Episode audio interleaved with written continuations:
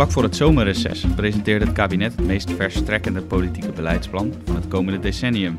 Het Klimaatakkoord. Op een paar partijen na overheerste de tevredenheid in politiek Den Haag. Maar is dat wel terecht? We gaan het erover hebben met Arendo Joustra, de hoofdredacteur van Elsevier Weekblad. In zijn wekelijke column, Non Solus, blikt hij terug of vooruit op het nieuws dat hem bezighoudt. Mijn naam is Matthijs van Schie. Goed dat u weer luistert naar een nieuwe podcast van Elsevier Weekblad.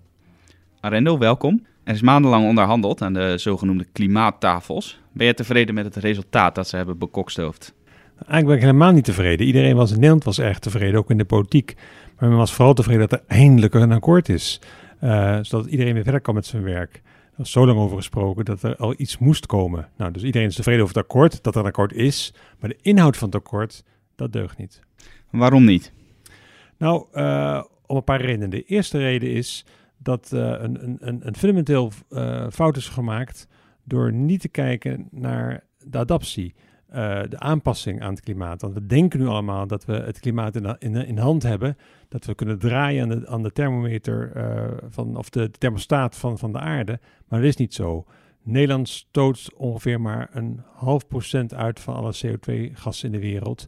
En alle maatregelen die we gaan nemen in Nederland zijn alleen maar uh, gericht op die half procent CO2-uitstoot. Nou ja, daar, wordt het klimaat, daar, daar schrikt het klimaat niet wakker van. Dus dat heeft bijna uh, nauwelijks effect. Uh, en dus moet je ook nadenken over wat er dan wel moet gebeuren. Ja, adaptatie is dus een. sorry. Adaptie is dus een belangrijk onderdeel dat jij mist. het is een akkoord van ongeveer 240 pagina's. Honderden afspraken zijn vastgelegd om de CO2-uitstoot uh, met bijna de helft terug te dringen ten opzichte van 1990. Maar jij mist nog een heel belangrijk aspect. Wat uh, is dat aspect precies? Nou, het hele punt is dus, uh, als je al je geld en al je inzet en al je energie gaat, gaat gebruiken om, om, om dus de temperatuur van de aarde terug te dringen, dan heb je straks helemaal geen energie en vooral geld over om het land en de inwoners te beschermen de, tegen de gevolgen van uh, uh, de opwarming van de aarde, als die wel doorgaat. En die gaat door, want nogmaals, wij, wij, wij hebben allemaal effect op een half procent van de uitstoot. Ja, in andere landen zie je nog nauwelijks bewegen. Kijk naar zo'n groot land als Amerika, Rusland, China. Dus ja, die, die opwarming van de aarde gaat door. Dus zou ik zeggen, dan is de, het kabinet, de regering, eh, moeten zich vooral zorgen maken over hoe het land en inwoners beschermen tegen de, tegen de opwarming. Uh, stijging van de zeespiegel bijvoorbeeld. Ja, en daar moet ook geld en energie in gestoken worden. Het hele woord adaptie komt maar vier keer voor in het hele klimaatakkoord. Ja, daar lezen we inderdaad erg weinig over. Waar we vooral wel heel veel over lezen zijn uh, zaken als windmolens, zonnepanelen, elektrische auto's. Maar uh, een andere belangrijke energiebron, die heeft jouw aandacht vooral. Ja. Die lezen we eigenlijk nauwelijks terug. Nee, want wordt, uh, iedereen denkt dat het allemaal goed gaat, komt met uh, windmolens en, en, en, zonnepanelen. Maar we kunnen het hele land kunnen volgen met panelen en volbouwen met, met windmolens, ook op zee.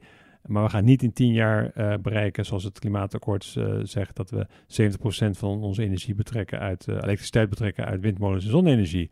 Ja, en wat ze natuurlijk echt hadden moeten doen, is kernenergie. Dat is de methode om, om uh, een, zekere vorm van energie te hebben, van e-, elektriciteit te hebben. Kijk naar landen als, als bijvoorbeeld Frankrijk, heeft heel weinig CO2-uitstoot, omdat het, omdat het veel kerncentrales heeft. Nou, Nederland maakt die keuze niet. Dat is heel dom, want je moet natuurlijk nu al gaan praten over kernenergie en ze gaan bouwen om ze over tien jaar gereed te hebben. Maar wat gebeurt er straks?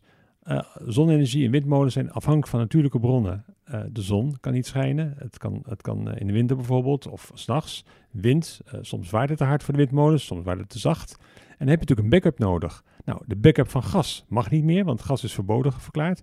Kolencentrales zijn natuurlijk hartstikke smerig, doen we ook niet. Nou, het ideale manier om de elektriciteitsvoorziening in Nederland op, op gang te houden is kernenergie. Ja, doen we dat niet, dan zitten we straks met een industrie en een land wat verstoten is van, van, van, van, van elektriciteit. En dan, ja, in feite komt het land dan stil te liggen. Ja, nog even over kernenergie. Uh, jij schreef afgelopen week een, uh, een vrij fel opiniestuk, omdat een bepaalde regeringspartij uh, tegen een motie had gestemd om onderzoek te doen naar kernenergie. Ja. Waarom wond dat jou zo op? Nou, omdat D66 is natuurlijk altijd is de partij van, van onderzoek, wetenschap, onderwijs, rationele besluitvorming, redelijkheid, ratio. Nou ja, en die stemt dan tegen in de Tweede Kamer om aan de regering te vragen, het kabinet te vragen, doe nou een onderzoek naar de kosten van kernenergie en hoe andere landen dat doen en hoe snel dat kan en wat bruikbaar is.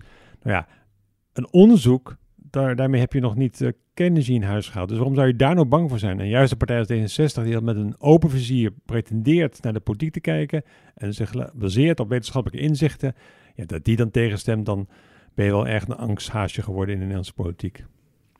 Ja, de, de wetenschappelijke inzichten inderdaad, die, die lijken hier een beetje te ontbreken. Over wetenschappelijke inzichten gesproken.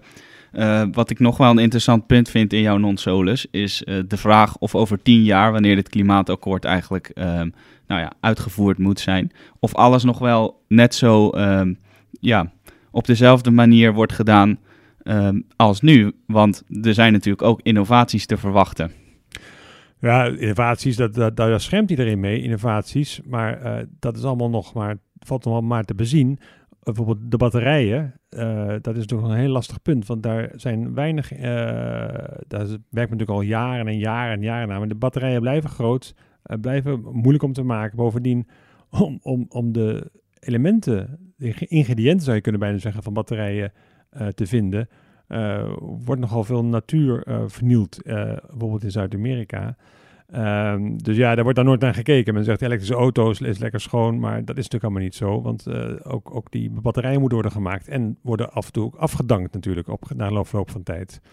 Dus ik, het hele klimaatakkoord geeft me een beetje het gevoel dat, dat iedereen ehm, eigenlijk heel tevreden is met zichzelf. Dat, kijk, kijk, ons is, uh, kijk, ons is uh, uh, iets goed doen eigenlijk. Het is eigenlijk een soort om jezelf een goed gevoel te geven. en daarmee natuurlijk ook met het goede gevoel andere landen met het vingertje kunnen wijzen. Ja, kijk, wij doen wat in Nederland hoor, maar jullie doen niks. Dus dat is een beetje een soort oude reflex van Nederland. De, de, wereld de les te lezen, jezelf een schouderklopje te geven. Maar ja, in de praktijk, met die half procent uitstoot die we hebben, verandert natuurlijk niks genoeg te bespreken nog, lijkt me. Uh, zowel hier op de redactie als in Politiek Den Haag. Arendo, ik wil je hartelijk bedanken voor uh, deze verhelderende uitleg.